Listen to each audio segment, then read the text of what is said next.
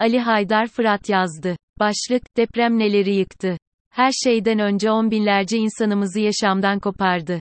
Sonsuz bir acı ve yeri asla dolmayacak bir büyük insani, vicdani ve duygusal bir yıkım bıraktı. Aileleri, akrabaları, arkadaşları, komşuları, geçmişi ve yaşanacak geleceği birbirinden ayırdı. Milyonlarca insanın evinden, barkından, toprağından kopmasına neden oldu. Depremler üzerinden 21 gün geçmesine rağmen hala enkaz altında çıkarılmayan insanlarımızın acılarını yaşattı, yaşatıyor. Her deprem en büyük kırığı insanın içinde oluşturur. Peki biz bu depremde ne gördük? Bütün bu acıları asrın felaketi olarak bize kanıksatmaya çalışan bir iktidarı gördü. Başta barınma olmak üzere gıda, giysi ve temel insani ihtiyaçların giderilmesi konusunda organize olmayan bir iktidar gördük. Sel olunca yağmuru, ormanlar yanınca rüzgarı, deprem olunca felaketin kendisini suçlayan ama hiçbir koşulda sorumluluk almayan bir iktidar gördük. Devlet kurumlarının partizanca nasıl yönetildiğini, kurumsal kapasitesinin nasıl yok edildiğini, karar almaya cesaret edemeyen yetkilileri gördük. Binlerce canımızı kaybetmişken, bir o kadarı enkaz altındayken, ölülerimizi kefensiz gömmüşken bize süreci nasıl başarı ile yönettiğinin propagandasını yapan iktidar gördük. Bu deprem bize ülkenin, toprağın, başımızın üstündeki damın çok acı bir fotoğrafını çekti.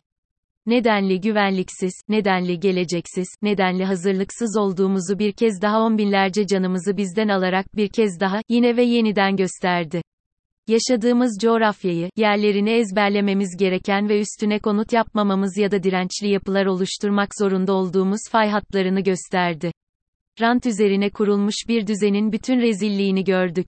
En küçük yerleşim biriminden en büyük kentimize kadar beton lobisinin, imar lobisinin, kent rantları toplayan, kent hakkını gaspten ve kent halkını ölüme mahkum eden siyasi zihniyeti gördük.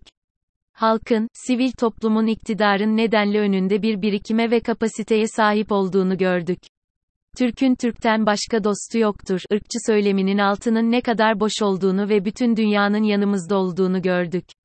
Ülkemizin altyapı sorunu çözdük diyen bir iktidarın kendi döneminde yaptığı ve anlata anlata bitiremediği yolların, kamu kurumlarının çöküşünü gördük.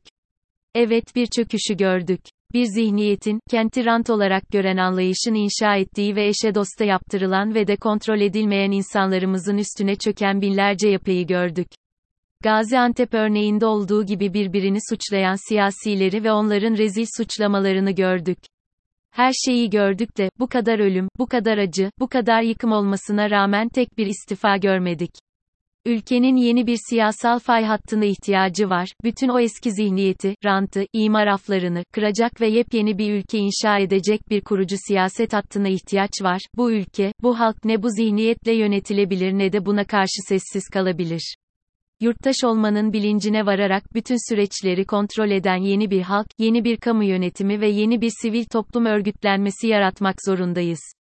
Ülkemiz maalesef 2. Dünya Savaşı koşullarını yaşayan Almanya ve Japonya gibi yeniden ayağa kalkmak zorundadır.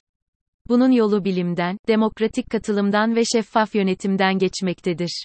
Bütün bunları yapmadığımız takdirde ölmeye devam edeceğimizi, her 20 yılda bir benzer büyüklükte bir yıkımı ve yok oluşu deneyimleyeceğimizi görmek zorundayız. Dahası hepimiz artık gördüklerimizi kanıksamayalım, olağan kabul etmeyelim. Müdahale etmezsek, mücadele etmezsek yaşamımıza, evimize, kentimize sahip çıkmazsak sahip çıkacak ne bir iktidar buluruz ne de sarılıp yarasını dindireceğimiz bir yakınımızı.